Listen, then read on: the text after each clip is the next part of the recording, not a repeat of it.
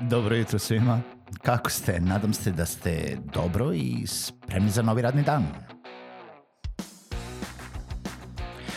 Pozdrav svima i dobrodošli na podcast Male pobede, stari novi podcast koji, well, koji je tu da bi vam kroz pitanje i savete dao motivaciju, pokrenuo vas u pozitivnom smeru i pomogao da ovaj dan počne bolje, jače i možda čak i zabavnije. Moje ime je Željko Crnjaković.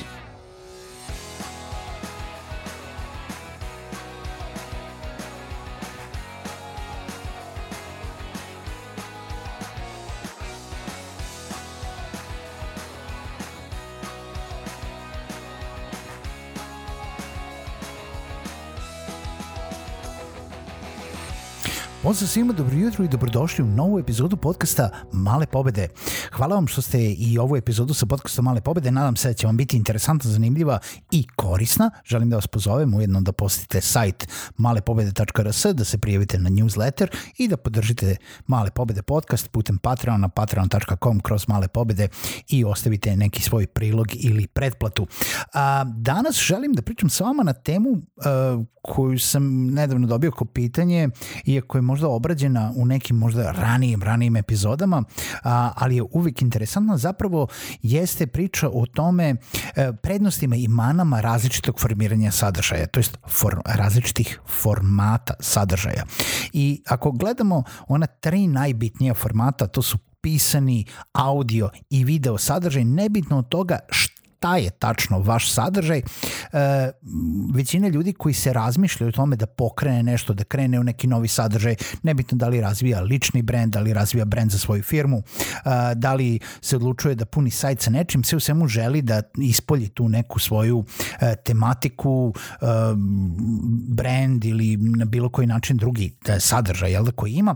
Često dolazi u pitanje koji je to sadržaj sada e, jel da, najbolje za kreirati. I sad jel da imamo ta tri a, standardna formata uh, sadržaja koji su jel da koji obuhvataju gomilu jel da još drugih podvrsta sadržaja koji su formati određenog e, tipa sadržaja da u podcastima, u audio sadržaju pričamo, možemo pričati o različitim drugim formatima, da li je to interview based storytelling, solo podcast i tako dalje, u video sadržaju, da li je to vlog, da li su to e, how to sadržaj, da li snimate sebe, snimate neke druge, da li snimate intervju i tako dalje, u blogovima, da li je to e, jel da, jel da, kratka forma, duga forma i, i tako dalje, jel da kao pisana reč, da li je to white paper, da li je to e-book, da li, opet, da se vratimo samo da li uopšte treba da razmišljate o pisanom audio ili video sadržaju, pa ćemo da pričamo o svemu pon, pomalo. Ono što je interesantno pomenuti jeste da baš mi ide mi na ruku da je jedna naša marketinška agencija nedavno izbacila tekst o tome koliko ljudi čitaju blogove u poslednje vreme. Blogovi su nekada bili veoma popularni i kada smo svi mi jel da e, krenuli e, na internet i pogotovo kad je marketing krenuo tim digitalnim marketingom blogovi su bili najveća i najbitnija stvar koju neko, neko treba da ima ili neko treba da kreira kada se radi o sadržaju. E, bili su različiti sajtovi koji su bili čitavi agregatori i jel da direktorijumi za blogovanje, za e, jel da, skupljanje različitih tekstova, mogli ste da imate blog na svom sajtu, mogli ste da pišete blogove i dan danas možete da pišete jel, te blogove unutar nekih društvenih mreža, kao što je to na LinkedInu, kao što su to neke duge forme na Facebooku i, i tako dalje.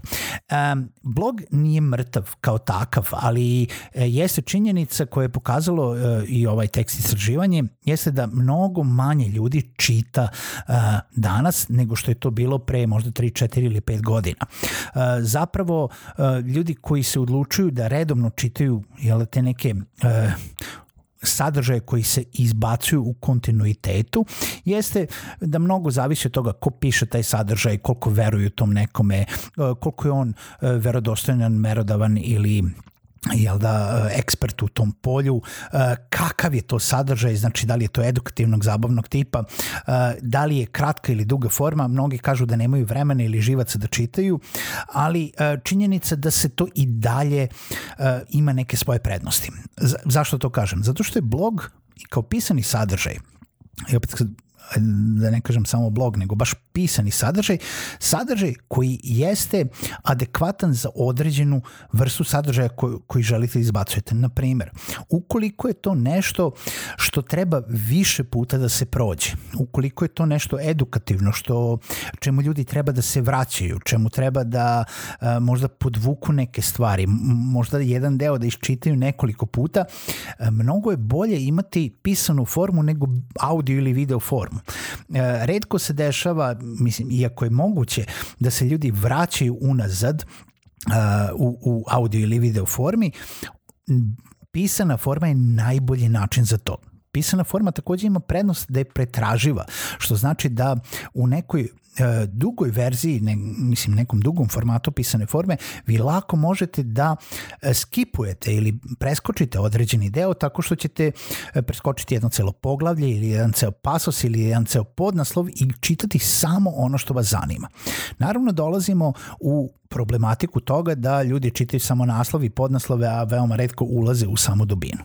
Za kraj, što se tiče jel da, Uh, samog pisanog dela, eh, još uvek vidimo dobre primere eh, nekih kvalitetnih tekstova koji više nisu zasnovani na kratkoj formi, već zapravo duga forma puno bolje prolazi. Baš zato što je taj, ta dubinska analiza i to neko stvarno davanje vrednosti kroz pisanu formu ono što se ceni i ono što se uh, najviše traži i zašto uh, će se neko uopšte opredeliti zato da čita nešto, a ne Eh, ako je to kratka forma zato da bi čuo jednu, dve, tri stvari, onda će bolje to da posluša ili pogleda. Između video i audio forme, naravno, uh, one su veoma slične, a opet veoma različite. U smislu produkcije, uh, vi kod video forme zapravo mislite i morate misliti i na audio deo. I samim time morate da ostvarite kvalitet svog audio dela na istom nivou kao kod bi to bilo i kod samo audio forme. S time da imate te dodatne brige oko toga kako ćete da snimite vizualni deo, koju ćete kameru da koristite, šta će, kako ćete da osvetlite scenu, šta će biti iza vas, kako ćete vi da izgledate, gde ćete to sve da radite i tako dalje. Tako da video forma jeste mnogo više angažovaniji e, način kreiranje sadržaja nego audio forma. Video forma jeste i trenutno najpopularniji sadržaj koji se konzumira pogotovo u našem regionu, ako ne u celom svetu. Audio forma je sustiže i jeste na usponu, ali je video forma i dalje onako onaj naj naj sadržaj koji možete da se opredelite da kreirate. Zašto? Zašto su se ljudi navikli da uh, jel, konzumiraju video sadržaj zato što su, uh, zato što im je lako da gledaju nešto, zato što uh, ljudi provode neverovatne količine vremena uh, na YouTubeu koji je drugi u svetu najveći i pretraživač i druga po svetu najveća društvena mreža i jednostavno tu se dešava najviše interakcije e, sa, sa svojom publikom. Audio forma je e, podcast koji ili, ili bilo koja druga audio forma e, koji je mnogo lakši za kreiranje nego video forma. Ne morate da mislite na gomilu vizualnih stvari. E, zapravo možete da sedite u pižami u mraku u svom krevetu i da imate dobar mikrofon i digitalni snimač i da snimite kvalitetan podcast, ali opet morate da uložite određeno vreme, da imate određene sposobnosti komunikacije i da znate da se izražavate na dobar i zanimljiv način kako bi vaši slušalci u ovom slučaju a, mogli da i voleli da konzumiraju vaš sadržaj. Kao tako e, dolazimo do jel da ta tri formata naravno a, e, imate i primera da možete da iskombinujete sva tri formata. Zapravo, ukoliko se odlučite da kreirate video format, vi možete da kreirate video formata i ako vaš sadržaj može da prenese, ono, pričali smo o tome kada smo pričali um, jel, da, šta je zapravo jako bitno kod podcasta, ako taj vaš sadržaj većinu vrednosti, ne, ne samo većinu, svu vrednost može da prenese u samo vid, audio obliku, izvinjam se, uh, pored toga što snimate video, vi automatski iz tog videa samo možete da izdvojite audio, da video plasirate na YouTube ili bilo koju drugu video platformu koju želite da koristite, da audio iskoristite i plasirate kao podcast, a ukoliko uh, možete da obezbedite vreme uh, ili financije da kreirate transkript ili onaj pisani deo svega što ste rekli, vi imate automatski i pisani sadržaj tog jednog sadržaja koji ste koristili. Naravno, ovo zahteva mnogo angažovanja i mnogo vremena da se sve isproducira zajedno, a o vremenu koje je potrebno za kreiranje nekog sadržaja pričamo u sutrašnjoj epizodi, to jest u narednoj epizodi ovog podcasta Male pobede. E sad, ovo su bili neki uh, pros and cons, znači kod uh, pisanog dela, ukratko, znači manje je popularan, još uvek radi, Eh, eh, ali manje drži pažnju. Eh, ljudi i dalje pišu, duge forme su bolje, pretraživije i bolje je kada ljudi moraju da se vraćaju za njega. Video forma, najpopularnija forma, ali treba mnogo vremena i znanja za produkciju, ne samo tehničkog znanja, već i prostornog i opreme i to da se uvek nameštate i da uvek mislite na sve živo.